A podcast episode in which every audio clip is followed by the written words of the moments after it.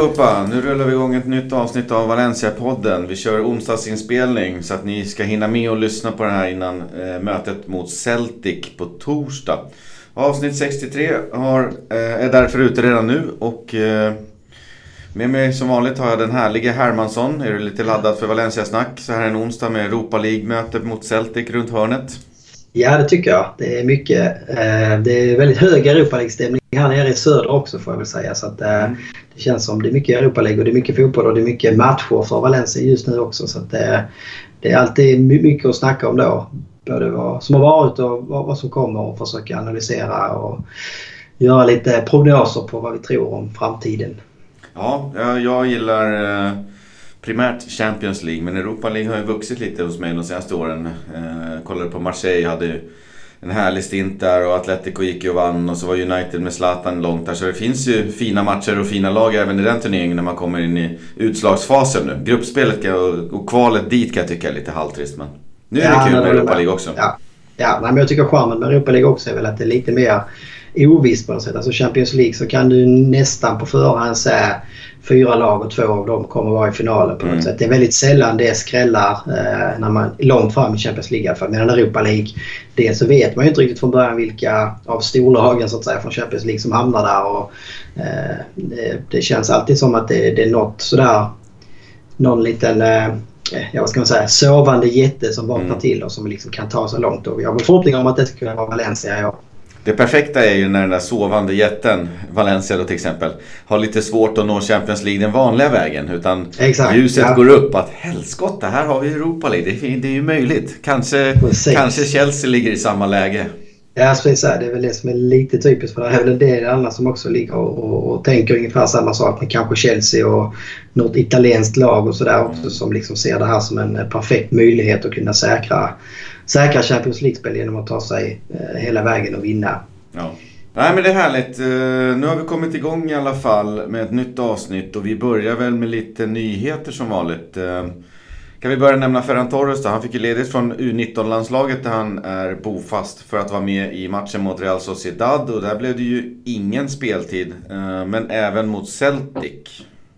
Ja, det blev lite... Jag vet inte, nu vet vi inte riktigt hur laget ser ut mot Celtic imorgon och vi kommer väl in på det på slutet. Men eh, det kändes ju... Eh, jag vet inte riktigt hur han själv har tagit det här. Liksom, att han, han var väl själv positiv till att försöka få ledigt från landslaget eftersom han hade ju en väldigt bra eh, stint där i framförallt mot, eh, mot Getafe i koppan. Eh, och gjorde ju också ett fint inhopp i ligaspelet där. Jag kommer inte ihåg vilka det var, om det var Celta eller hur det var. Eh, mm. Eh, men eh, då fick ju sitta bänk hela ligamatchen mot Sociedad sist så att det, det gav inte så mycket det att stanna hemma. Nej, men jag tycker att han borde ju få leva mot Celtic nu då. I och med att det ryktas vara en liten rotationstrupp. Annars så blir det ju helt fiasko om man ja. kallar hem en spelare så att säga som eh, hellre kunde ha fått lite spel. För han är ju inte... Han behöver ju inte rotera som man ser Han behöver ju snarare speltid. Så kallar man hem honom från U19-landslaget och, och låter han sitta fast på bänken så blir det ju helt knas. Det är lite så. Men jag kan, jag kan också köpa, alltså jag kan förstå klubben i det här fallet tänker ju bara på, ja, på klubben och på laget så att mm. säga. Och det har varit jäkligt tajt och man vet ju liksom inte inför heller hur skador och eh, annat som, som kan hända längs vägen. Uh, nu, nu blev det ju en sån match där men hade Valencia lett med 2-0 eller någonting så kanske det inte är omöjligt att Ferran hade fått, fått mer speltid och man gjort lite andra byten om man säger så. Nej, vi får hoppas att han får lira mot eh, Celtic där. Det kommer inte Santemina däremot att göra. Han har åkt på en eh, skada och missar de eh, kommande matcherna. Det är en stukad vänsterfot tror jag som sätter stopp för honom. Och det är lite oklart hur länge det blir. Men det, man Depend, eller pending medical evaluation. Just det, men han spelar väl ingenting denna veckan så han lär inte spela mot Celtic och inte heller mot eh, Espanyol på söndag. Nej, de är de första matcherna som man vet egentligen att han är borta. Sen får man se ja. hur det utvecklar sig. Precis. En stukad fot kan ju ta ett stund. Det är inte säkert att det liksom per definition är någonting trasigt utan det kan vara lite så uttänt och lite smärtsamt så att säga. Ja, nej, det, alltid, det, det kan vara så jäkla olika nivåer på en strykning. Det vet man själv liksom, när man har rökt på det. Ibland så går det över ganska fort och man kan börja jogga på den och man kan tejpa det och sådär. Men i, är det en allvarlig strykning så kan det ta lite längre tid innan man vågar liksom trycka på för fullt. För att man, det är väldigt lätt att man slår ut den igen då om man går på för tidigt. Så är det och, och, vi hade en helt skadefri trupp här om veckan. Uh, det har vi inte nu längre. Vi har ju även eh, Gabriel Gaia och Rodrigo som samtliga vilas mot Celtic på grund av skada. I Gabriels fall så är det så är han regelrätt skadad. Men det är också lite så här försiktighetsåtgärd. Han kan nog inte spela även fast han vill. Men man väljer att vila honom. Eh, sen har vi Gaia som har någon typ av problematik i benet eller höften, alltså lite överbelastning då. Eh, där är det också då att man väljer att vila honom. Eh, och allra minst skadad kanske jag ska säga, är väl Rodrigo som fick en stämpling mot Sociedad senast och eh, tränar med laget. Men man väljer att vila honom eh, mot Celtic. Så det är egentligen fyra skador precis fyra eller fem om vi tar med Santimina. Eh, och även Garay ryktas väl också vara lite sådär halvsliten och har spelat mycket på slutet och brukar ju bara lite, ha lite känslig kropp då. Eh, så det känns väl som att man får liksom betala för det tuffa spelschemat här. Eh, och det, det, jag tycker ändå det är ganska smart att man liksom inte riskar någonting här. Mm. Jag ser inte det som att man bara helt och hållet roterar utan är inte spelare 100% så är det bättre att spela med... Alltså man, man, man, har ju sagt inför denna säsongen att man ska ha en så pass stor trupp att man ska kunna vara med och tävla i olika tävlingar. Och då måste man också lita på att truppen kan hantera det. Då ska man inte behöva chansa med Rodrigo. Även om han är 90% eh, spelklar så är det bättre att spela med en 100% i Sobrino eller Gamiro då. Mm. Ja, precis. Jag, vet, jag är lite osäker kring Garay där. Klart karln är sliten. Han har spelat sex matcher i rad tror jag. Uh, ja. Men det var snack om att han att man jobbade stenhårt på att få tillbaka Gabriel mot eh, Espanyol-matchen i helgen. Så att Garay då kunde få vila i och med att han har en historik av att vara lite trasig. Då kan man ju då spela Ron Kaglia. Som gjorde bra, för han är tillbaka i ligan men han är ju avstängd mot Celtic. Så att jag tror att vi kommer se Diakabi Garay mot Celtic. Men det kanske ni lyssnare vet bättre om ni hör efter matchen. ja, Diakabi kommer säkerligen till 99,9% starta eftersom han är avstängd här i både ligan och koppan. Uh, och Kaglia får ju inte starta och Gabriel är skadad så det är, allting tyder på att det är en Diakabi Garay som startar i Ja exakt och då är det hans sjätte match i rad tror jag och då kommer säkerligen siktet vara inställt på att vila honom i helgen då. Ja. Sen hade vi väl uh, Salva Ruiz. Uh, återkommer till Valencia. Senast i Real Mallorca i Segundan. Just det också en sån här liten budgetvärding under radarn skulle man väl kunna säga. Mm. Utgående mm. kontrakt gör klart redan nu. Så det känns väl som ytterligare liksom ett steg i den här nya värvningsstrategin som vi pratade om i förra avsnittet tror jag det var. Mm. Där man, där man uppenbart liksom kollar efter de här spelarna som man, som man kan få i stort sett gratis. Eh, man köper dem redan nu och de kommer till sommaren. Och har en ganska bra ålder, de kan ligan. Men är liksom inga namn eller spelare som liksom sticker ut eller som känns liksom att det är de här spelarna som kommer ta Valencia till nästa nivå. Utan det är lite mer truppspelare, lite mer liksom eh, La Liga normala spelare om man nu får säga så. Eh, Lojala liksom fotbollsarbetare. Man vet Precis. lite mer vad man får så att säga. Ja, alltså Alva Ruiz hade ju en tuff tid i Valencia där och eh, ville ju lämna för att hitta tillbaka glädjen till fotbollen som det så fint brukar heta. Få lite speltid och känna liksom att eh, man är en viktig del av laget och har gjort det väldigt bra i Mallorca. Och det är väl det som Valencia också haft koll på under tiden och ser nu att man gärna vill ha tillbaka honom i truppen. Det jag ställer mig frågan det är ju alltså Salva Ruiz är ju framförallt vänsterback. Eh, och det är frågan då vad som händer med Tony Lato. Eh, om man nu liksom redan nu gör, gör, gör klart med en ny vänsterback inför kommande säsong. Så att antingen så betyder det kanske att man inte tror på Tony Lato eller att man tycker att han borde lånas ut för att liksom mogna och för att liksom komma ett steg upp i sin, eh, sin nivå. Eller så är det så att man, man ser att Gaia kanske är den stora försäljningen till sommaren. Det känns som att antingen Gaia eller Tony Lato kommer försvinna inför kommande säsong om man nu har varvat den. Man, man sitter inte med tre vänsterbackar, det känns inte så. Nej, det känns ju som att det är välrustat på vänsterbacken så länge vi har Gaia kvar. Eh, mm. Kan jag tycka. Om vi säljer Gaia så har vi Salva och Tolilato och där känner jag mig inte lika trygg.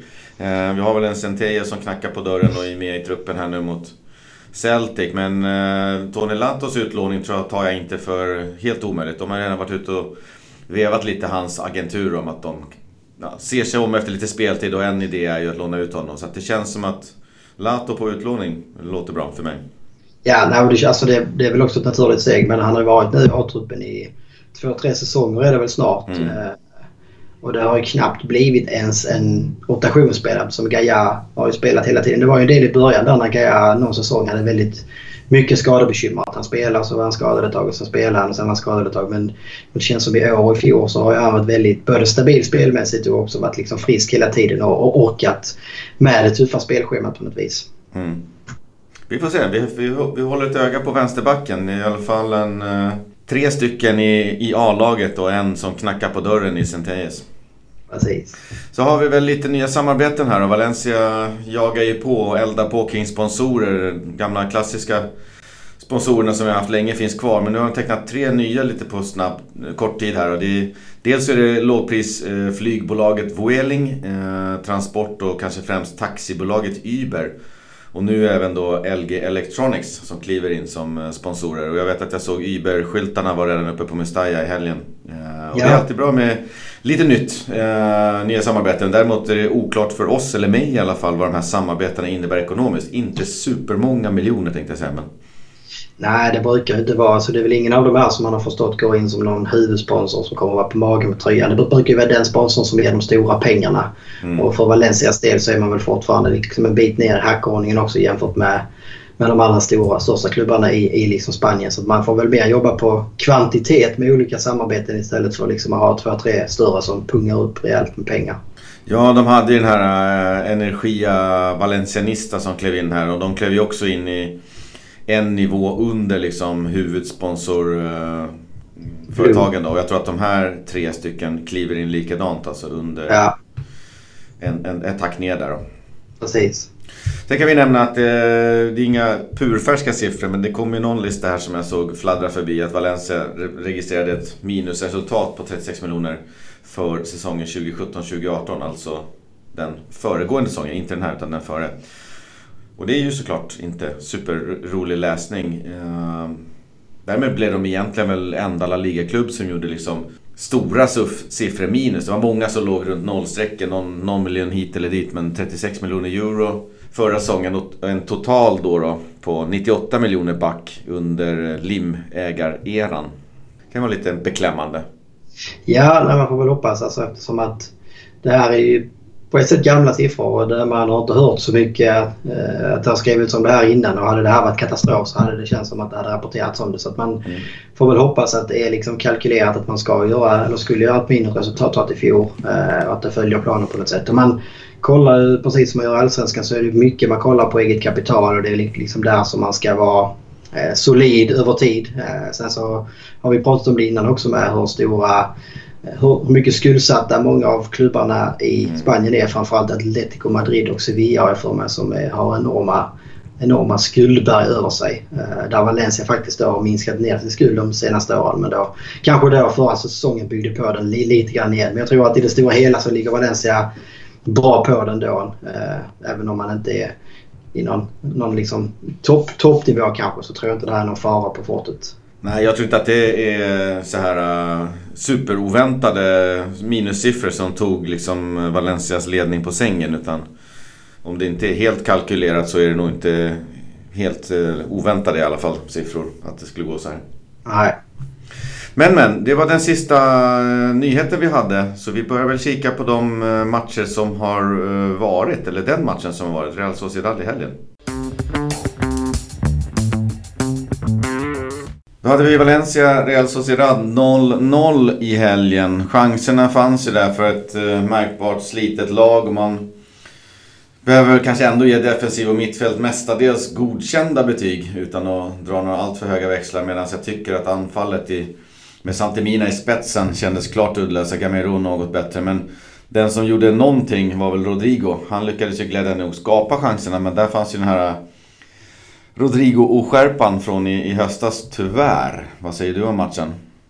Nej, jag håller med. Det känns också som att Santimina och Gamero inte riktigt har någon eh, kemi på något sätt. De funkar, funkar inte riktigt ihop. Eh, det, krävs, det känns som det krävs en, en Rodrigo med hans smartness och hans liksom, löpningar som också jag tror gör de andra anfallarna bra på något vis. Eh, och sen så är det precis som du är inne på, det, det mest uppenbara som man tar med sig från den här eh, tillställningen det var ju att framförallt i första halvlek tyckte jag. Att det var ett väldigt slitet Valencia. Eh, man kom inte alls liksom upp i någon intensitet eller hade någon fart. Och, eh, det är från kanterna det ofta ska hända liksom. Eh, och Soler hade ju en väldigt, väldigt dålig dag. Mm. Cherichev var väl kanske då tillbaka också på lite sämre, sämre prestationer. Eh, och när inläggen väl kom, kom, eller inspelen kom, så var ju som, som, som vi sa anfallarna iskalla på något sätt. Eh, sen så tycker jag, alltså ändå över 90 minuter så skapar man tillräckligt med för att vinna det här. Alltså Valencia är närmast seger eh, och man har tillräckligt bra läge för att man ska kunna, kunna gå, gå härifrån med tre poäng. Men det var lite grann tillbaka, alltså, jag tror jag skrev det på Twitter med att alltså, den sista tiden här har det varit liksom två steg fram och nu var det ett steg tillbaka. Eh, och det är väl kanske skillnaden mot i höstas så kändes som att det var ett steg fram och två tillbaka. Nu är det i alla fall två steg fram och ett tillbaka. Så det är väl en lite positiv vibbar ändå. Även om just den här matchen blev ett, ett, ett steg tillbaka. Ja, så var det. Jag tycker att det som saknas då lite grann mellan Santemina och Gamero är ju att ingen av dem är någon framspelare till den andra utan båda är ju mer av avslutare när de får en pass. Och där är Rodrigo mycket bättre på att spela fram till exempel Gamero eller Mina. Eh, lite grann. Nu hade ju Mina en spektakulär nick till eh, Rodrigo när de vann med 3-0 mot Getafe va. Men eh, annars ja. gör han mycket av en avslutare och där tror jag kanske samarbetet, båda de mår nog bättre av att spela med Rodrigo.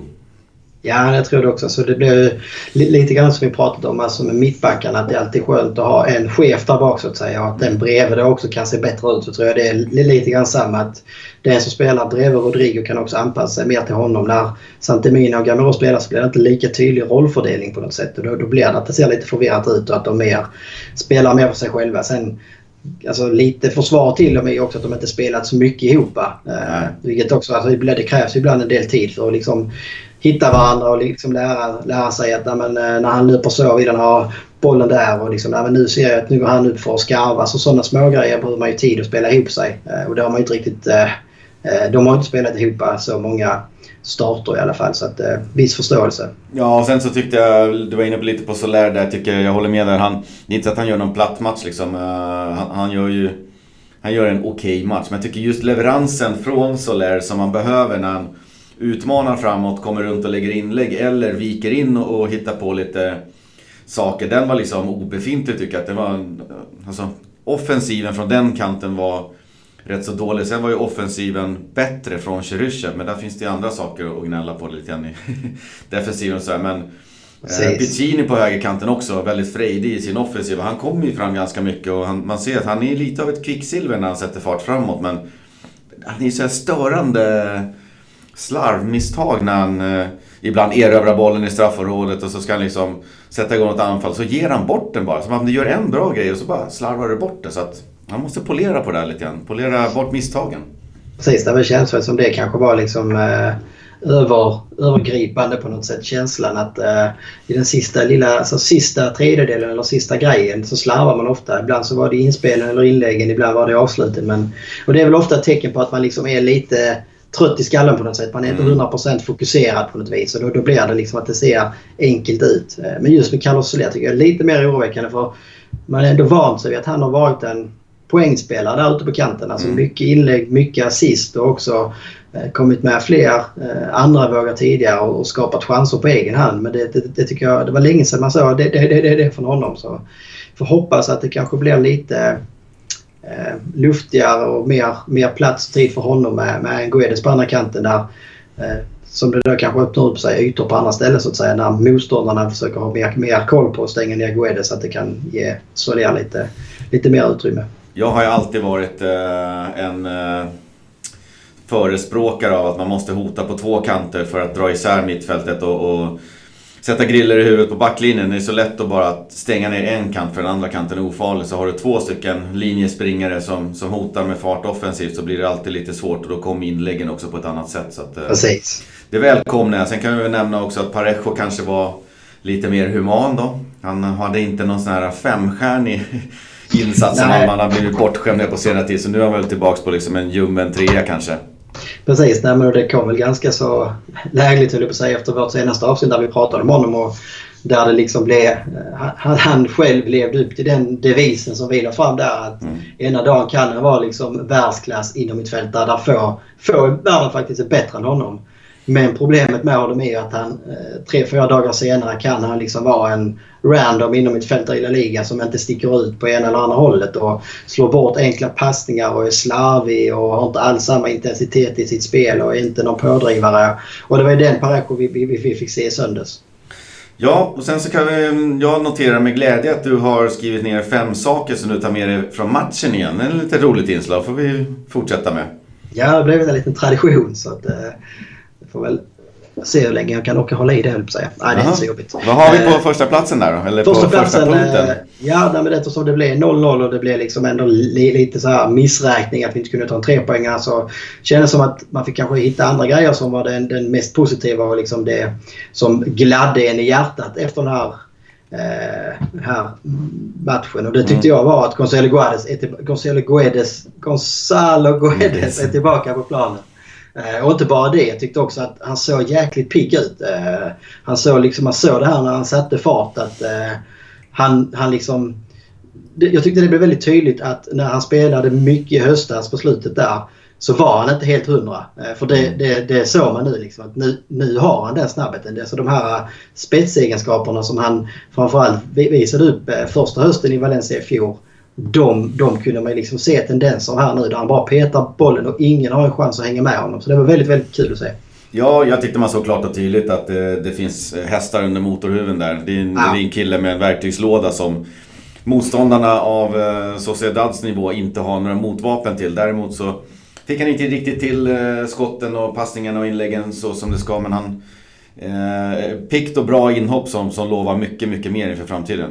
Ja, nej, absolut. Man får väl ha lite tålamod med det tekniska. Mm. Eh, nu spelar han väl, ja, spelar en kvart här och kanske gör något inom per mot Celtic och sen kanske kan vara redo för en start mot Espanyol. Så att man får väl trappa upp det här också. Både liksom rent fysiskt och hitta tillbaka och sen komma in med touch och timing och allting sånt. Men det, det känns väldigt, väldigt eh, positivt att man liksom ändå redan, redan direkt för första inhoppet här kunde se de här tendenserna och det lovar ju gott inför våren. Verkligen. Sen fanns det ju någon annan som gjorde det bra också. Ja, punkt nummer två hade jag eh, Roncaglia som debuterade då för Valencia och tyckte han gjorde det med besked. Så väldigt, väldigt stabil ut.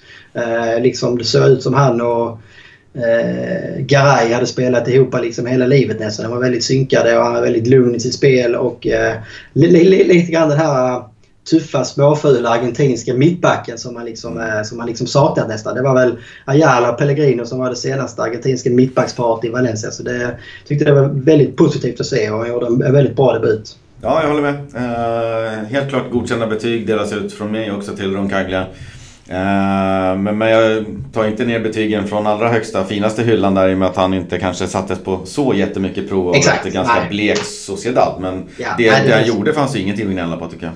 Nej, nej, jag håller med. Alltså, såklart att det här är inte en sån match som...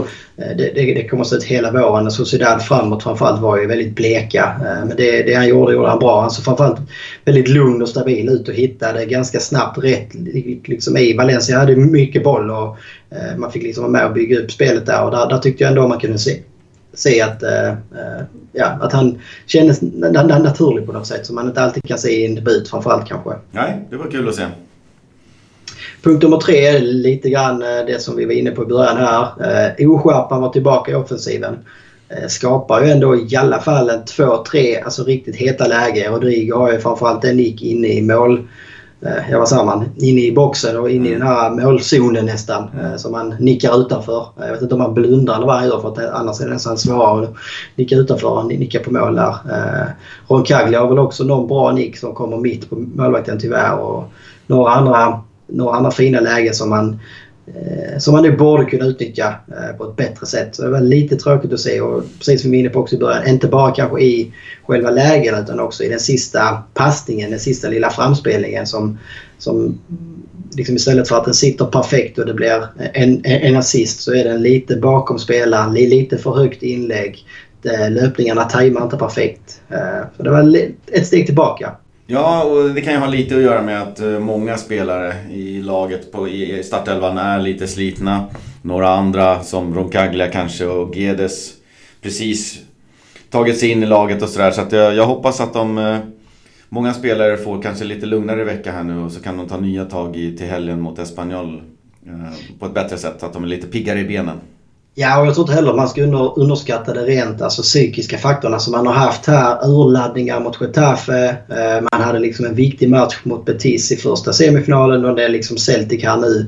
Alltså, det går inte hela tiden att ställa om huvudet och vara 100%. Alltså, när man har de här urladdningarna så, så blir man också trött i huvudet till sist. Liksom det går, eh, jag vet inte hur man ska uttrycka det men det, det är samma sak. Det går liksom inte att spela ett El Clasico eller ett derby varje vecka för till sist så så pallar du inte eh, ladda på huvudet på samma sätt. Och det, det kändes som det var en mix av liksom både det fysiska och det psykiska där man inte var 110% och inte kunde liksom skruva på max på något sätt. Ja, och det får man ju ofta bevis på efter derbyn eller stora matcher både i Sverige utomlands. Att matchen ja. efter ska man väl iväg till Gävle borta eller Eibar ja. borta och så ska man liksom återupprepa det här fina spelet som man hade mot Barcelona på Nou Camp till exempel. Och då blir ja. det lite svårt att man ja, som med Marcelino säger, men det är, det är, en final i varje match. Så det är, som, det är svårt att hålla den skärpan jämt. Ibland blir det lite mer mellanmjölk av det. Och, eh, då kanske man ibland får ta ett kryss mot Sociedad. Nu har det tyvärr blivit lite många kryss i år, men de tidigare kryssen har ju varit mer på grund av, tycker jag, att laget spelat dåligt och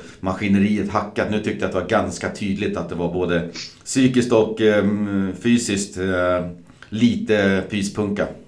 Precis, nej, men de andra kryssen har ju många gånger känts mer frustrerande. Mm. Liksom att, man, att det känns som att nej, man, man, man, man försöker, man försöker men man får inte till det på något sätt. Nu kändes det mer, mer som att man har haft tre, fyra riktigt bra prestationer här på sista tiden. Eh, och nu var det li, lite grann att bensinen inte orkar hela vägen fram och lite otur också att man inte liksom sätter de lägena som man ändå skapar för att vinna den här eh, hemmamatchen. Juventus hade satt den här nicken och vunnit en dålig prestation med 1-0. Ja men det är, det är lite det som är skillnaden också mellan de allra största topplagen. Eh, både liksom att de har en, en annan trupp kanske. Mm. Eh, men man har också kanske då skapat sig någon annan, eh, jag vet inte, alltså kultur som tar ett tag att bygga upp på något vis. Där man liksom kan, kan kanske redan tidigt i en sån här match inse att fan, idag är vi inte på topp. Idag handlar det bara om att göra det här 1-0 målet och sen så är det bara att spela av. Mm. Och där har väl Valencia fortfarande det är liksom en del kvar att jobba med och det är väl det som liksom, uh, man också kunde se i fjolåret liksom att, uh, att man inte är det här stabila topplaget på samma sätt än. men som vi liksom hoppas att man ska kunna jobba fram. Ja, så är det. Punkt fyra har jag sagt att uh, tycker Gaia var väldigt bra. Jag tycker fortfarande att han rankas, rankar i alla fall jag som en av denna säsongens bästa och i alla fall jämnaste spelare. Mm. Jag tycker han eh, löpande liksom gör stabila insatser. Eh, han kanske inte har de här topparna som en Parejo eller en Rodrigo som gör ett hattrick men han är otroligt stabil och gör väldigt sällan nu någon, någon dålig match eller ens några dåliga ingripande och är liksom en ledargestalt och har alltid bra inställning och krigar liksom på eh, även under vintern i, i de här allra tyngsta tiderna. Så han är en stor förebild och jag tycker att han har varit ett stort utropstecken i år faktiskt. Verkligen. Han, det är precis som du säger, det är svårt att lista exakt vem som är eh, vilken given stund som helst Valencias bästa spelare. Men sett över hela säsongen så är det nog få som eh, tycker att någon annan har varit bättre och jämnare eh, än Gaia som egentligen inte har dippat någon gång. Nej. Utan han har levererat på en hög nivå hela tiden. Haft många briljanta matcher, många bra matcher och, och som sämst kanske okej. Okay, men jag skulle nog jag kan inte dra mig till minnes att jag tyckte att Gaia varit värdelös någon match. Nej, nej, och kanske är det också liksom ett eh, litet resultat över att han har fått vara skadefri en längre, längre period. Han har ju ändå dragits med småskador hit och dit i flera år. Och man, har ju, man har ju kunnat se att han har toppen så att säga. Men de här skadorna har gjort att han är borta ett tag och sen har han liksom kommit tillbaka och inte varit helt hundra kanske och tagit tid och så har det varit några små misstag som har hänt och sådär. Men nu, nu, känns det som att han har fått tiden på sig. Han har mognat som spelare. Han gör inte de här rusningarna på på samma sätt i, i defensiven. Uh, han ligger mer rätt i positionsspelet uh, ty, ty, tycker jag det känns som. Och har hittat liksom mer rätt på sin uh, ytterbacksplats där. Och det är ju liksom också ett betyg att han kommer med i, i, i spanska landslaget där det ändå är bra konkurrens på ytterbacksplatserna. Ja, så är det. Vad vaskar du fram för sista spaning? Sista spaningen var ju eh, den att Parejo vilas inte. Eh, vi pratade här innan och du sa att du hade läst någonstans att det var 20 matcher i rad som han hade startat. Eh, vi får väl se om det är... Vi får säga det lite inofficiella siffror i alla fall. Ja, exakt. Men det är, men det är ganska uppenbart att eh, de flesta andra spelare har ju roterats runt på något sätt men Dani Parejo har inte gjort det. Och Marcelino fick ju den frågan efteråt också vilket var ganska uppenbart eftersom precis som vi sa i inledningen av den här matchanalysen så var ju Parejo hade ju en av sina sämre dagar om man säger så. Mm. Eh, men Marcelino menar på att man har inte riktigt... Alltså han hade gärna roterat Parejo och vilat honom. Eh, kanske inte just här men i, i någon av de tidigare matcherna här. Men problemet har ju varit att Kondogbe har varit skadad. Coquelin har gått liksom småskadad. Eh, man har liksom haft två av då, de tre innermittfältarna som kanske man ser som renodlade innermittfältare har liksom varit halvskadade. Så man har, man har tvingats liksom rotera runt och köra runt på de två på något vis. Eh, samtidigt som då, visst Carlos Soler skulle kunna spela där men man har inte heller... Det är också som vi pratade om innan, man har inte har inte supermånga yttrar i truppen på något sätt. Nu har ju Ferran Torres och Kang Lee kommit in kanske och börjat utmana om de platserna men eh, jag tror inte man, man ser någon av de spelarna ska kunna liksom spela två omgångar per vecka och leverera varje gång. De här yngre spelarna brukar ju vara lite, lite upp och ner och man behöver liksom ge lite mer tålamod med. Men det är lite synd för att eh, jag tror Parejo hade mått bra av att roteras eh, mellanåt också för att liksom kunna vara riktigt bra när han väl spelar. Det får man ge han också att han spelar ju nästan konstant 90 minuter och om det nu är 20 eller 19 matcher i rad så är det ju jag menar även han eh, blir ju sliten och skulle behöva roteras. Så om jag inte är helt fel ute så var det väl senast han inte spelade var väl då när, när han fick någon eh, skada. Eh, ja, det var väl en avstängning och sen så var det väl en skada som man inte riktigt visste vad det var.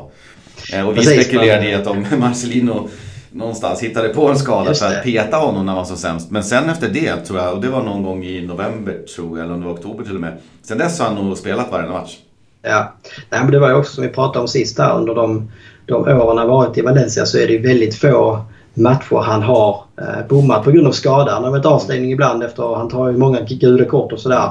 Men just eh, på grund av skada har han ju inte varit borta särskilt eh, många gånger. Så det, det får man ändå ge honom. Sen är det frågan liksom om det eh, bara är en fördel. Mm. om man säger så. Alltså, precis som vi varit inne på så är han ju väldigt skiftande i kvalitet. Det liksom går från världsklass till medelmåtta. Eh, och det kanske också hänger ihop med att han, han, han behöver ha han behöver vara i topptrim fysiskt och psykiskt liksom för att kunna få ut max. Annars så blir han en medioker spelare. Så det är också lite till... Det är, det är, på något sätt kan jag tycka att det är liksom tränarens roll att, att kolla på spelarna och se till att spelarna är 100% annars är det bättre att spela med någon annan. Jag kan ju förstå att Parejo liksom är en lojal spelare och kanske inte den som känner efter på samma sätt som andra spelare hade gjort och sagt att äh, men idag känner jag mig kanske 80% det är bättre om vi vilar mig. Utan han, han kör ju på och så tycker han att det är tränaren som får bestämma det. Speciellt som när, när man är kapten också så Exakt, förstår ja, jag honom det... att han vill, vill spela och leda laget liksom. Ja. Nej men det var väl det. Fem härliga saker att ta med sig. Gedes tillbaks, Roncaglia bra, Oskärpan är tyvärr tillbaks. Gaia över säsongen sett bäst spelare och Parejo roteras icke. Nej. Då kollar vi på lite framåt då. Om vi lyfter blicken till eh, torsdagens match mot eh, Celtic borta, Celtic Park. Europa League, eh, det är 32 lag kvar. Är det 16-delsfinal då va? Just det. Eh, 21.00 spelas den. Eh, antagligen eh, fullsatta läktare och full fart på, på Celtic sådär. Vad, vi pratade lite innan här. Hur, hur ser man egentligen prioriteringen här på Europa League? Eh, vi har ju en jätteviktig match om en och en halv vecka är det va? Eh, eller om det är två och en halv vecka mot eh, Betis i Copa del Rey. Då vi är liksom en match ifrån Copa del Rey-finalen och vi har eh, Champions League-plats jakt i ligan. Så att någonstans får man en liten känsla av att Europa League ligger trea. Ja, det är lite frågan. Alltså det är precis som du är inne på så är det väl eftersom att man också är ganska tidigt i slutspelet här eh, så kanske det inte skulle kännas, alltså det skulle kännas betydligt eh, mer snöpligt så att säga att åka ut från Copa del Rey när man, är, när man känner att man är så pass nära en final som vi är nu. Ett bra resultat i första semifinalen. Allting avgörs hemma på, på Mestalla. Liksom det är 90 minuter av det behöver inte ens vara en maxprestation utan en helt okej okay prestation så är vi liksom i en final. Eh, så jag tror att Copa del Rey ligger nog just nu väldigt högt upp på, på liksom agendan hos eh, både Marcelino och spelarna och samtidigt som du är inne på så i ligan börjar man ju känna liksom eh, morgonluften och börjar känna att eh, Sevilla börjar tappa den här CL-platsen som för kanske någon månad sedan kändes liksom som en utopi på något sätt. Helt plötsligt så är den ju inte det. Gör man en bra vår här så, så har man alla möjligheter att kunna kriga sig in på en fjärde plats. Men det är också Europa League, vi pratade om det inför lottningen. Där är många tuffa lag med. Eh, det är säkert många lag som tänker på samma sätt som Valencia kanske skulle kunna göra. Att det kan ju också vara en väg att nå Champions League, att vinna Europa League. Mm. Eh, men vi har, ju, vi har ju till exempel ett eh, Sevilla som är med och som har gjort det bra i Europa League innan. Vi har eh, Napoli, Inter, Arsenal, Chelsea. Så det är liksom väl framme i en kvartsfinal om ingen av de här stora eh, drakarna så att säga snubblar längs vägen så kan ju kvartsfinalerna i, i Europa League hålla, hålla bra Champions League-nivå om man säger så. Ja, verkligen. Och, och eh, jag tror att Marcelinos högsta önskan är att åka till, till Glasgow och få med sig ett resultat. Vad nu det är, om det är 0-0 eller 1-1 eller kanske till och med 1-2 med minsta möjliga liksom, eh, ansträngning, eller vad man ska kalla det för. Minsta möjliga påfrestning på, på den ordinarie startelvan.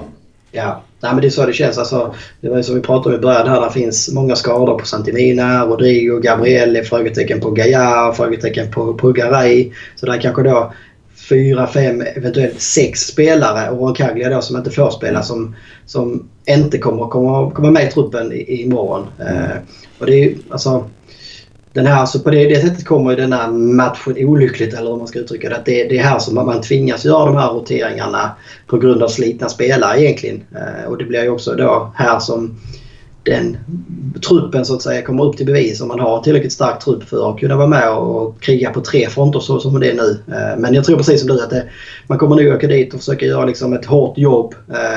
Äh, inte bjuda på någon champagnefotboll utan ligga rätt i det, det defensiven och fokusera på att ta med sig ett bra resultat till Mestalla. Kan man göra ett mål är det superbra. Kan man spela 0-0 är det helt okej. Eh, okay. Äh, förlora med 1-0 tror jag också liksom att eh, man, man ska kunna vända hemma på sig. Alltså Valencia som lag ska vara bättre än Celtic över två matcher. Det enda som skulle kunna straffa Valencia är liksom om Celtic gör en överprestation och Valencia har ett lite för svagt lag för att kunna stå emot och att det blir liksom en kanske två 3 förlust på bortaplan. Då blir det en jobbig retur.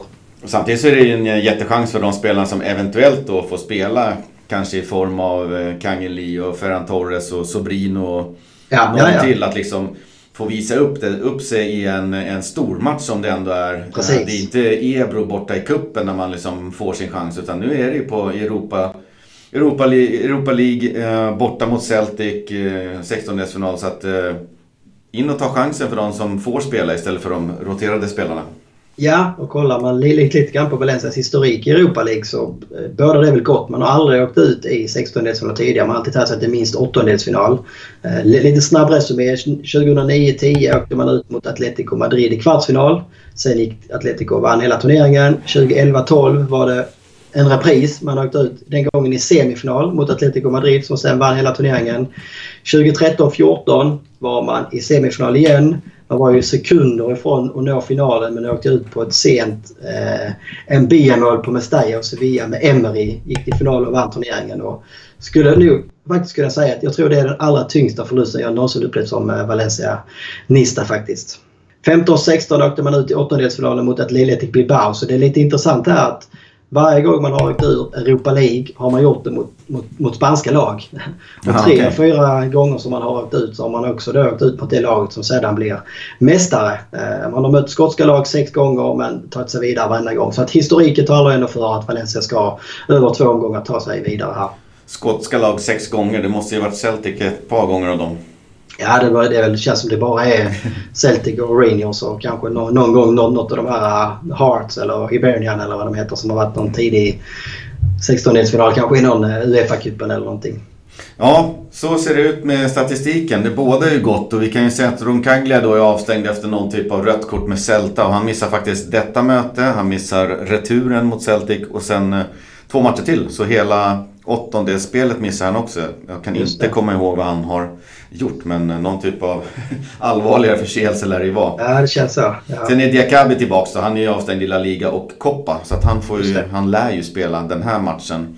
Ja, det ska vi räkna med. Ja, sen är det de som du nämnde då. Mina, Rodrigo, Gabriel, eh, Gaia lämnades utanför. Eh, det båda väl ändå för en eh, Sobrino Gamero på start eh, till topp, eller eh, till start på toppen. Eh, eller som Marcelino ja. flaggade lite grann för eh, Geres Cheryshev och någon frågade om man kanske skulle prova en Kangen där. Precis, Nej, men det kändes ju som att Först så pratade alla om att nej, det är egentligen bara Sobrino och Gamero som är tillgängliga av anfallarna så det, det, var liksom givet. Men sen så öppnade Marcelin upp för lite andra alternativ. Om det bara var liksom lite grann eh, en, en, en manöver för att inte han ville ge Celtic liksom, eh, eh, startelvan några dagar innan och kunna planera efter det eller inte. Det, det vet jag inte. Eh, men ska vi prata startelva så tror jag att vi kommer att se eh, Netto kommer väl starta, det känns som Jaume för, för koppan och sen kör Netto resten. Eh, det har också varit en del, del snack om Puccini, att han också behöver vila och att det kanske är Daniel Wass som då går in på högerbacken där som inte startat så mycket på senaste tiden. Eh, sen var det som vi sa från början, Diakabi, Garay, mittlåset känns väl ganska så givna eftersom det ser ut som det gör på Gabriel och Roncaglia. Eh, Tony Lato, vänsterback, Gaia, jag tror att man vilar honom här. Man har ju också Gaias skadehistorik där man liksom inte vill slita ut honom för mycket för att eh, han då ska kunna vara borta någon längre period. Jag tror inte han är med i truppen än. Så att det blir Nej, det kan inte det. Mm. Ja, då är det väl ganska givet. Eh, ja, just det. Det var väl Senteis som var med i truppen förresten. Ja, Senteis är med i truppen och frågetecknen är väl centralt på mittfältet. Vi pratade ju om Parejos icke-roterande, några pratar ju om att han kanske ska roteras här.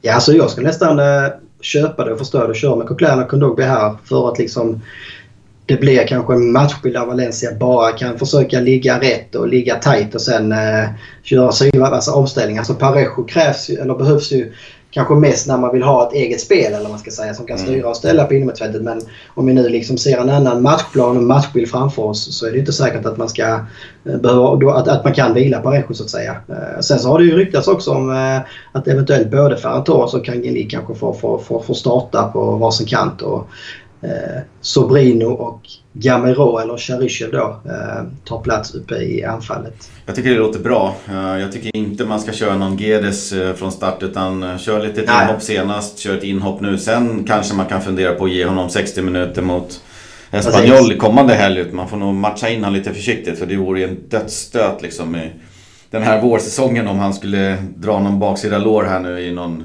Att man över, överanstränger honom på något sätt. Ja, han är helt med. Så ger han ett lite han spelar en kvart sist och kanske han får göra en halvtimme här eller 25 mm. minuter eller någonting. Och sen kan han kanske då vara mogen från start och göra precis som du säger en timme eller något på, på söndag. Eh, jag tycker, tror det också är smart alltså. Men vi såg ju Ferran Torres och Kangeli gjorde det väldigt bra mot Getafe. Jag menar, jag skulle säga att Celtic är ju inte supermånga nivåer bättre än Getafe. Getafe är ju ändå med och krigar om topplatser i La Liga så det är liksom inget dussinlag på det sättet och de klarar av det väldigt bra. Så jag, jag tror också att man skulle kunna fixa det här Verkligen, och jag har ju sett många matcher med, med Celtic också i och med att de alltid med figurerar i Champions League och det är ju samma sak varje gång. Det är ju fullt ös medvetslös på Celtic Park. Eh, ja. Inte minst första kvart 20 minuterna när adrenalinet är på topp. Så det gäller ju att rida ut den där eh, första anstormningen för att sen liksom börja bygga på att man har ett bättre lag i grunden och sätta omställningarna liksom. Man får inte ge dem det här lillfingret att de får en 1-0 och fortsätter med adrenalin på slaget liksom. Nej, nej, men det är också att kolla man Celtics trupp. Alltså, det känns också som Celtic har ju blivit sämre de sista åren. Alltså för några år sedan var man ändå med och kändes ändå som att man var ett okej Europalag. Eh, men nu, nu är det nästan, alltså vi såg väl Malmö FF slog väl ut Celtic för något år sedan och Rosenborg höll på att göra det. Så att det är liksom Celtic, alltså de är snäppet bättre än de bästa nordiska lagen men mot ett Valencia ska man inte, alltså normalt sett ska man inte ha någonting att sätta emot där. Nej, jag skulle nog jämföra dem någonstans i, i kvalitetsnivå med Young Boys eh, som liksom ja, en solig dag kan stöka lite men, men tiden tar ut sin rätt och då är Valencia bättre. Ja, nej men det är ju liksom ingen spelare i, i Celtics trupp som direkt eh, skrämmer. Verkligen inte. Däremot så kan man ju nämna i sammanhanget att de matchar lika hårt som Valencia just nu. De spelar match var tredje, fjärde dag. De har inte släppt mål bakåt på sina sju senaste matcher i Skottland och har 20-0 i målskillnad. Och det säger ju såklart en hel del om nivån på den skotska ligan. Men på Celtic Park så är de en svår nöt att knäcka även för liksom de riktiga storlagen. Det är många lag som har gått på en nit där borta, eller där uppe. Ja, så är det ju. Samtidigt så var man väl inte superimponerad. Jag tror de, de förlorar väl mot eh, Red Bull Salzburg i eh, Europa League-gruppspelet. Och, mm. eh, det var någon match i alla fall mot eh, eh, Rosenborg där också i gruppspelet som, som var illa ute. Så att, eh, ja, men eh, jag är inte... jag är inte superorolig men precis som du är inne på så alltså, hemma på Celtic Park det är ju där och det, det vet ju Celtic själv också. Det är ju där man liksom har chansen att kunna göra någonting i det här dubbelmötet. Det är att få med, med sig ett bra resultat på hemmaplan. Eh, och sen kan man då åka ner till Valencia och bara parkera en buss. Ja, vi ska inte behöva vara oroliga över 180 minuter så får vi bara hoppas Nej. att det inte blir någon käftsmäll där uppe på Celtic Park. Ja. Sen var vi inne på det lite grann med Garay har spelat, eh, vad jag förstod, sex matcher i rad. Och det är väl inte en helt optimal situation för han som har varit lite skadeberäknad. Men jag, eh, när jag läste presskonferensen och har läst allting som har sagts här så lutar det ju som sagt åt att han spelar mot Celtic. Men siktet är inställt på att han vilar mot Espanyol i helgen så får vi se hur det blir med det. Ja. Vart det en bra övergång till eh, Valencia Espanyol på söndag då? Ja, tyckte jag. Ja, den, nästa övergång är väl att det är två lag som kanske då jagar Europaplatser även om Espanyol har halkat efter lite grann. Eh, mm. Man hade väl en, eh, jag tyckte man hade liksom en skön start. De överraskade i alla fall mig i början av säsongen där man ett tag var man väl uppe nästan och fightades i, i, i, i topp tre för mig. Eh, sen har man sakta men säkert dalat. Eh, efter sin seger senast så var det väl ändå ett litet eh, ryck upp mot övre halva. Det är ju otroligt tajt där nere fortfarande. Man låg ju under där mot Rayo också. Hade man förlorat mot Rayo där så hade man ju nästan påvat under strecket. Så, det, så pass tajt är det i mittens rike. Ja, de har haft det lite tufft nu. De hade fyra matcher i rad utan eh, seger med två förluster, två kryss och sen så lyckades man då hitta en trepoängare senast. Uh, Diakabi ja, som sagt... i 96 minuten tror jag ja. sist. Ja, något sånt precis. Att, uh, det är inte ett lag i fullständig harmoni som kommer. Och där har vi Diakabi avstängd, Mina skadad, Rodrigo ska vara tillbaka. Han tränar ju med laget. så att han eh, bör vara tillbaka. Sen är det möjligtvis då frågetecken kring Gabriel och hans baksida ja. lår. Men eh, på back, mittbacksplatsen så lär vi ha den mer eller mindre givne, i alla fall i den här matchen, Roncaglia beroende på personalbrist i övrigt då. Det känns så. Alltså som vi sa innan, Diakabi är helt utesluten. Garay kanske då behöver spela mot Celtic och då kommer han säkerligen vila sig mot Espanyol och då har du bara Gabriel och Caglia kvar egentligen som rena mittbackar i alla fall. Så är det. Eh, Espanyol har väl lite eh, anfallskraft framåt också i Borja Iglesias som eh, stängt in 10 baljer i år. Får vi se upp med. Ja, det känns som, jag vet inte riktigt på Mestalla, men det känns som att borta har man haft lite problem med Espanyol sista säsongerna på något sätt. Men kollar man på formkurvorna och kollar liksom på var man är i tabellen. Alltså, alltså, hemmaplan har man inte råd att tappa mer poäng nu Valencia. Man har liksom redan eh, förbrukat sina livlinor där känns det som. Eh, och e- Espanyol på hemmaplan måste man slå om man ska på allvar kunna prata om att kunna kriga om en Champions League-plats hela vägen in. Ja, det är dags för en trepoängare och eh, jag vill gärna se att Valencia då studsar tillbaka till den nivån där man nu hoppas att Valencia ligger på. Att det var en liten trötthetsplump i protokollen mot Sociedad och att man mot Espanyol nu visar att eh, formen är fortsatt bra. Eh, och att man liksom kan köra över Espanyol. Ja.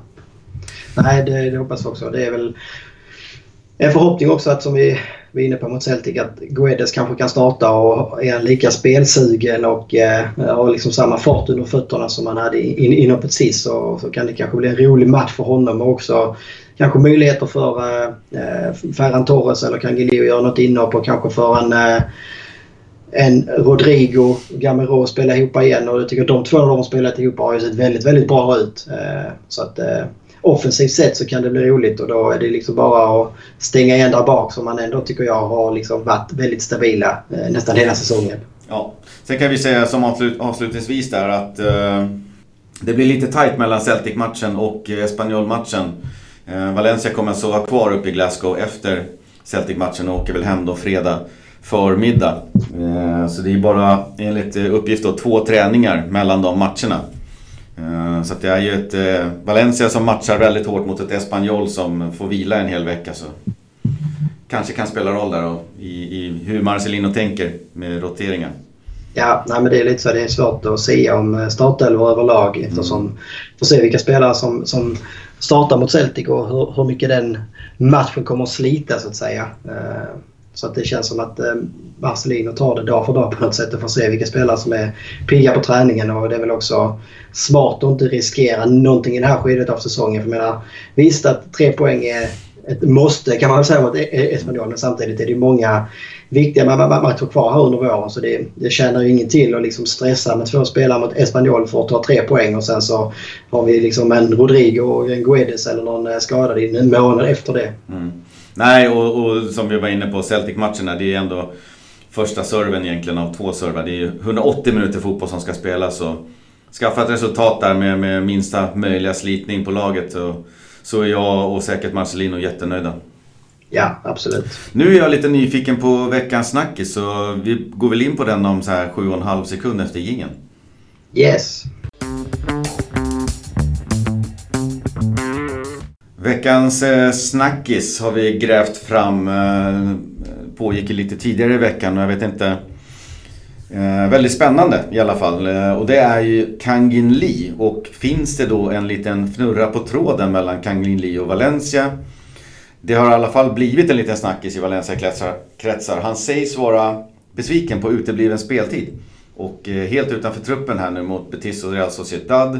Efter succén mot Getafe i Copa. Så han kom ju in lite grann med, ja, för att vara 17-årig pojke så kom han in med dunder och brak. Uh, nu snackas det då om att han kanske vill bli utlånad till sommaren. Ja, det känns ju lite konstigt. Alltså, precis som du sa. Det har gått väldigt fort för Kangeli genom alla nivåerna i Valencia. Egentligen har han liksom eh, kommit upp innan, innan han har haft åldern inne eller hur man ska säga. Och nu kommer liksom, han var inte med i A-laget när säsongen startade. Eh, fick komma med här när det var lite skadebekymmer. Gjorde det så pass bra att man ville ha med honom i A-truppen permanent.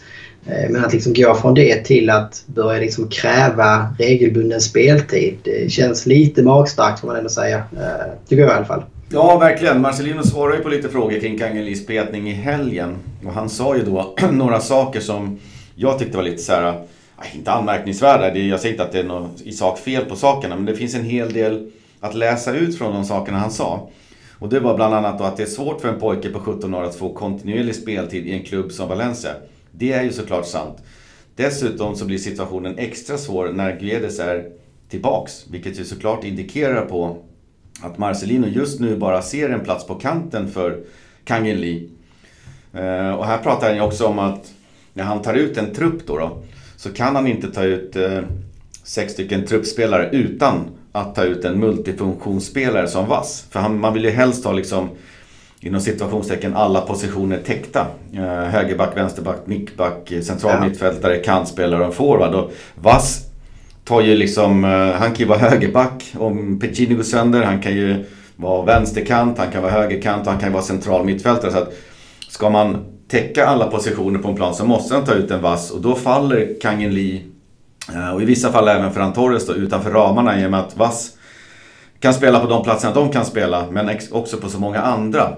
Eh, Kangelis favoritposition då, om vi då ska kalla det för så, det han har liksom briljerat i som när han kom upp genom leden är ju som mediapunta eller offensiv mittfältare centralt. Eh, och Marcelinos uttalande skvallrar det egentligen om att det kommer att bli väldigt sparsmakat med tid om, om någon alls för Kangeli just på den platsen. Utan får han någon speltid så kommer det bli på inom situationstecken då fel plats. Så där ska det enligt rykten då ha satt igång lite eh, snack eh, av Kangelis agent eller närmaste folk där. Och, eh, och de ska ha börjat jobba lite grann på en utlåning eller frågat sig för i alla fall om sommar. Och de vill ju såklart ha kontinuerlig speltid på seniornivå och troligtvis då också centralt på mittfältet. Så om vi bränner av eh, de frågorna som jag hade som du kan få kommentera då är ju till en början, och då pratar vi som nutid. Eh, vart bör Valencia använda Kangin Lee? Är en utlåning bra för båda parter och eh, vart och vilken nivå i sådana fall? Ja, så det var alltså precis som vi pratade om förra veckan att äntligen så hade Valencia en skadefri trupp och alla tillgängliga. Och det är klart att det går ut över en spelare som Kangili. Alltså han fick ju chansen i A-truppen när vi hade skadebekymmer. Men när Valencia har en fullgod trupp då är ju Kangeli på gränsen. Alltså, ja. Han har ju inte hunnit bevisa sig. Alltså att för mig var det liksom inget konstigt eller jag såg inte det som en petning utan det, det var naturligt att det fanns liksom fem, alltså, vi hade en Gonzalo Guedes som då satt på bänken eh, som ytterkantsspelare. Mm. Eh, skulle Kangeli peta honom? Alltså det, det, är lite, det hänger inte riktigt ihop tycker jag, det, det han påstår till att börja med. Eh, och kollar man också hans favoritposition så känns det heller inte egentligen, tycker jag inte Kangeli kanske är bäst i ett 4-4-2. Alltså den mediapunta-rollen han vill ha är ju egentligen en, en Aymar-roll om man säger så. Så det är egentligen bäst i kanske ett 4-2-3-1 där han har två defensiva spelare bakom sig på något sätt. Ja. Eh, alltså, tänk ett 4-2-3-1 eh, idag med Coquelin och Kondogbia som Kangeli framför om, om några år. En Kangeli om några år men i dagens lag om man säger så. Det är där som jag tror att Kangeli är allra bäst på något sätt. Så att det, det känns inte som att Marcelino eh, och så som han vill spela så att säga Eh, ja, alltså det, det, det, kommer kanske gå ut över Kangeli på, samma sätt som det då gått ut över en Carlos Soler till exempel som har fått jobba på andra positioner. Och är Kangeli vänstermittfältare så har ju liksom Valencia gjort sin dyraste värvning någonsin på en vänstermittfältare som har offensiva kvaliteter i Gonzalo Guedes. Så det känns ju liksom som... Det finns supermycket i Kangeli så det gäller ju att man hanterar det här väldigt delikat på något sätt. Mm. Eh, för även om man inte är en färdig spelare eller en spetsspelare för Valencia idag så känns det som att allting talar för att han mycket väl kan bli det på något sätt. Eh, och nu är det ju också alltså tre tävlingar här framåt de närmaste månaden i alla fall för Valencias del. Så att eh, Marcelino behöver ju hitta liksom balans i det här och också liksom vara lite känslig med hur han använder Kangeli. Jag hoppas också att de har lite bättre kommunikation. För jag menar, hela den här, här, grejen som kom ut nu att eh, han var besviken för att han inte varit med och han ville bli utlånad till sommaren. Det känns som det är en sån grej som inte ska behöva komma ut. Alltså det ska man kunna hantera internt på något vis. Mm. Ja absolut, det tycker jag också. Jag menar, ja, lite så här, någonstans så kan jag tycka att man gapar kanske lite efter för mycket. Jag tror att även Kangeli själv och hans agenter förstår att eh, i dagens läge som 17-åring, han fyller väl 18 precis nu. Eh, så tar han inte en plats på Valencias centrala mittfält. Det gör inte ens Carlos Soler. Eh, så att, att liksom ropa efter den typen av, av speltid, det känns helt bisarrt tycker jag. Eh, ropa efter en truppplats, det kan man visst liksom hoppas på sådär.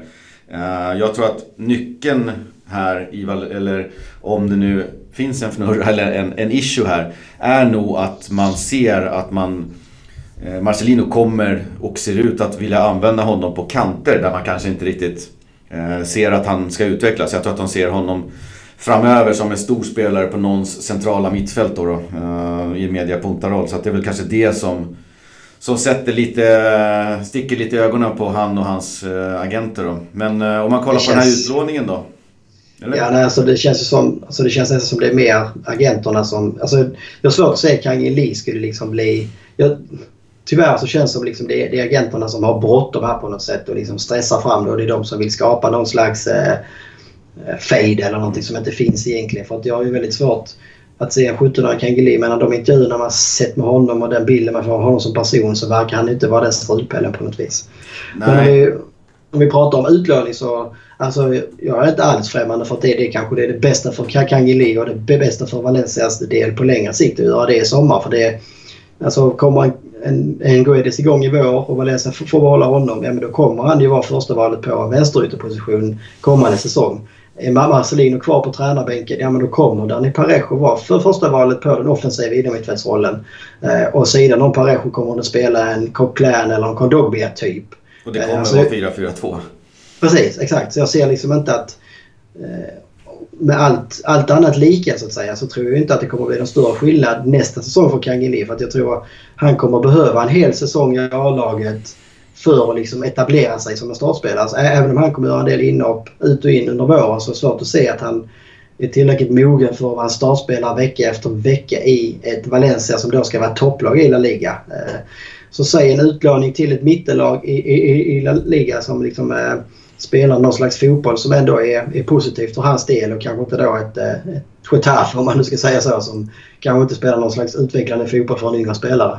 Nej, det kan ju antingen vara, alltså många bottenlagen, vi var inne på det innan vi började spela in, att många bottenlagen i La Liga spelar inte någon typ av rolig fotboll som skulle ge Kangeli så värst mycket boll och, och, kreativa saker, utan det är mest jaga, jaga, jaga. Och kanske då i sådana fall eh, Malaga eller någonting i, i toppen av Segundan då.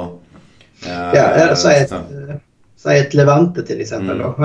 Han kan bo kvar i stan, han kan liksom, eh, det blir inget stort stor grej för han rent socialt egentligen. Eh, kanske till och med ibland kan liksom eh, vara kvar och träna med Valencia. Jag vet inte. Eh, det kanske han inte kommer vara. Men eh, så jag menar, så han kan fortfarande liksom hålla kontakten med Valencia på ett helt annat sätt. Sen klart, en del spelare kanske behöver att det är precis tvärtom. Att de kommer till en ny miljö. Att de liksom behöver komma bort. För Kangeli har ju varit i Valencia sedan ganska unga år på något sätt. Och för att liksom bli en mogen spelare så kanske han också behöver komma utanför den här lilla bubblan på något vis. Och då kanske det är bättre att, eh, som du är inne på, komma ner till Malaga som är på väg upp och som väl inte vill vara ett jojo-lag utan som ändå vill etablera sig och vara någon slags mittenlag i alla fall. Eh, och det finns ju många mittenlag som ändå försöker spela en positiv fotboll tycker jag. Det finns kanske ett eh, Girona eller ett, eh, ja jag vet inte.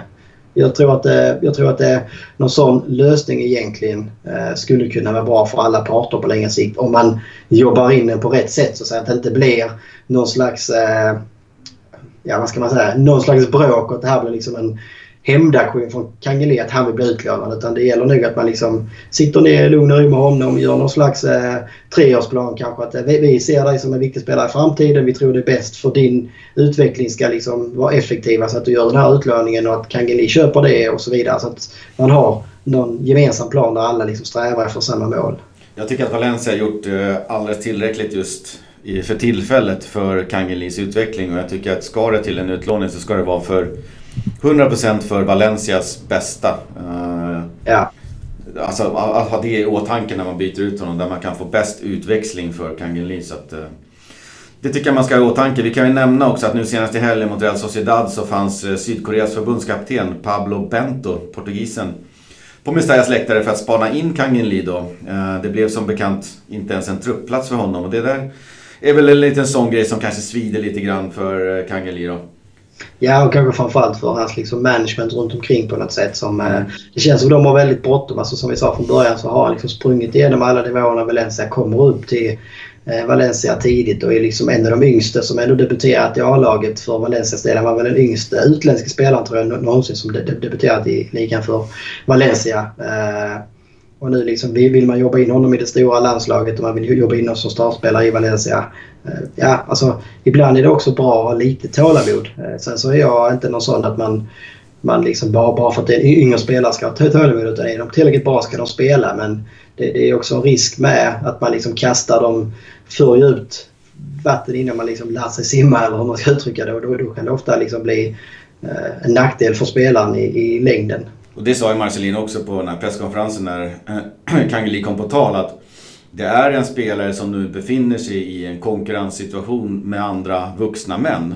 Ja. Eh, han kommer få sina chanser, men bara när han är värd chansen. Så att när han känner att Kangeli är tillräckligt bra för tillfället för att bidra på, på en viss position, då kommer han få sina chanser. Så att det finns ja. ingen annan agenda än att Valencia ska prestera på topp. Och Kangeli är en av de som ska bidra till det när Marcelino anser att liksom, han, han gör det. Och, eh, med det sagt så kan jag väl säga att jag tror nog inte att det finns någon direkt fnurra på tråden mellan Kangeli och Valencia. Det är nog, som vi var inne på, snarare att Kangelis management återigen visar sin enorma, sina enorma ambitioner och framåtlutning då för den här juvelen. Det var lite samma sak när det fanns lite krav kring hans uppflyttning till Mestalla där man det pratades om i alla fall att det fanns krav på speltid och det fanns olika liksom krav kring det där.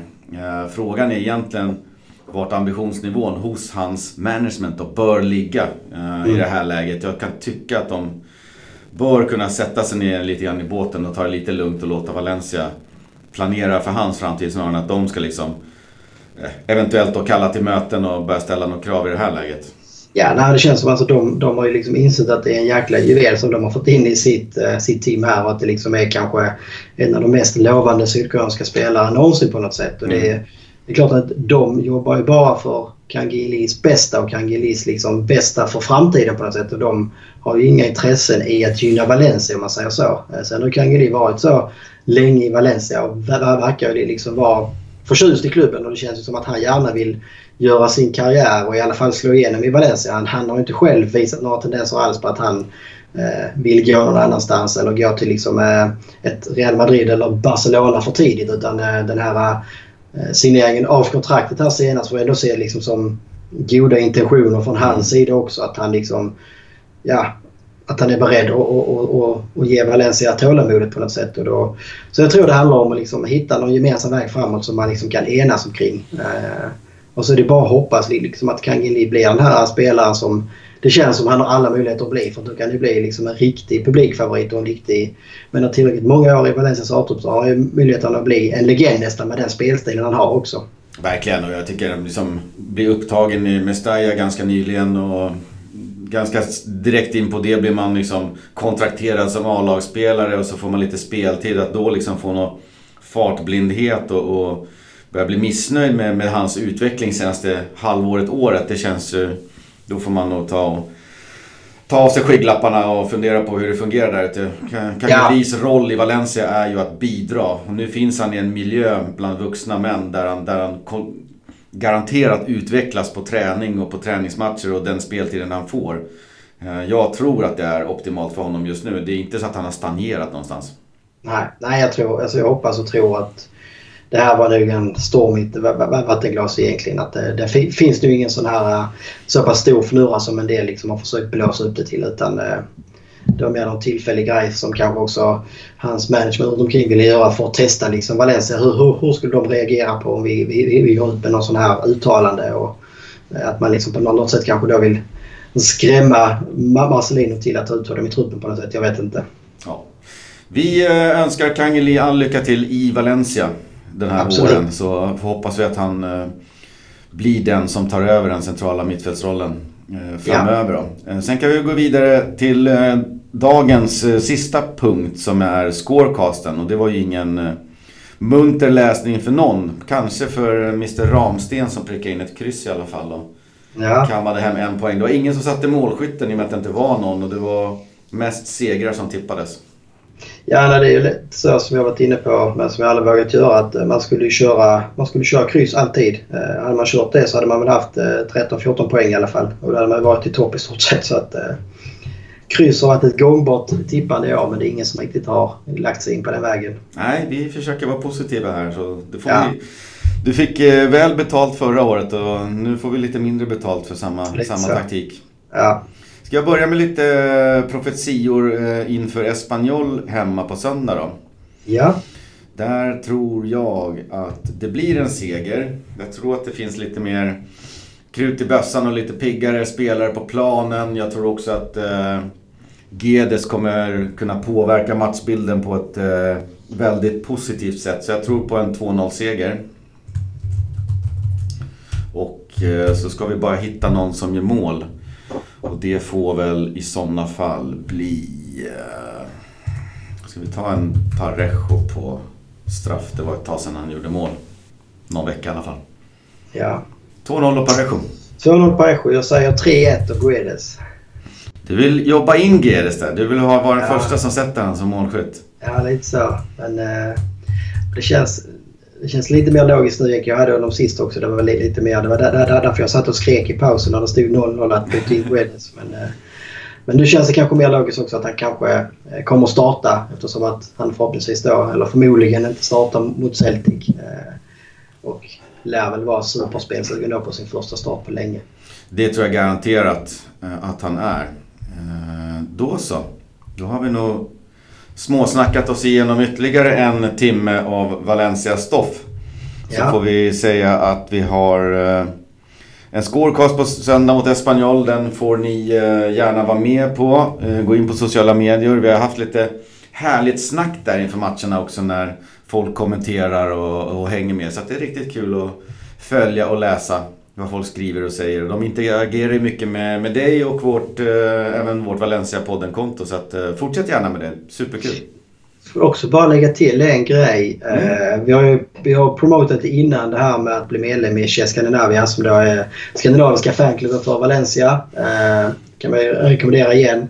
Eh, nu har vi också, jag vet inte om du har fått det mejlet, men jag har i alla fall fått ett mejl att man fått erbjudande att köpa matchtröjor till ett väldigt, väldigt förmånligt pris. Mm. Eh, just genom medlemskapet i Shell Scandinavia. Alltså bara genom, genom medlemspengen där och man köper en tröja för nästan halva priset tror jag det var. Eh, så att, eh, det kan vi återigen puffa för så att säga. Att gå med i Shell Scandinavia och framförallt om ni är intresserade av att köpa en officiell matchtröja. Man kunde till och med få de här 100-årsjubileumströjorna för 55 euro tror jag. De kostar väl över, över 100 euro normalt sett. Verkligen. Eh, medlemspengen där är ju modest. Jag har för mig att den är på 10 euro. Den Exakt. tjänar du ju nästan igen om du är där nere en gång och, och köper någonting. Man får ju 10% rabatt på de officiella butikerna. Man får ju hem ett litet plastmedlemskort som man visar upp och så får man sin rabatt där. Och så ja. anordnas det ju lite Fajas resor därifrån. Så att, uh, in och gå med i Chess Scandinavia. Gör det. Jag klickar hem en tröja idag faktiskt och jag väntar med stor spänning på för att lägga till den här 100-årsjubileumströjan till samlingen. Verkligen. Uh, vi säger väl på återhörande och uh, hasta luego. Hasta luego.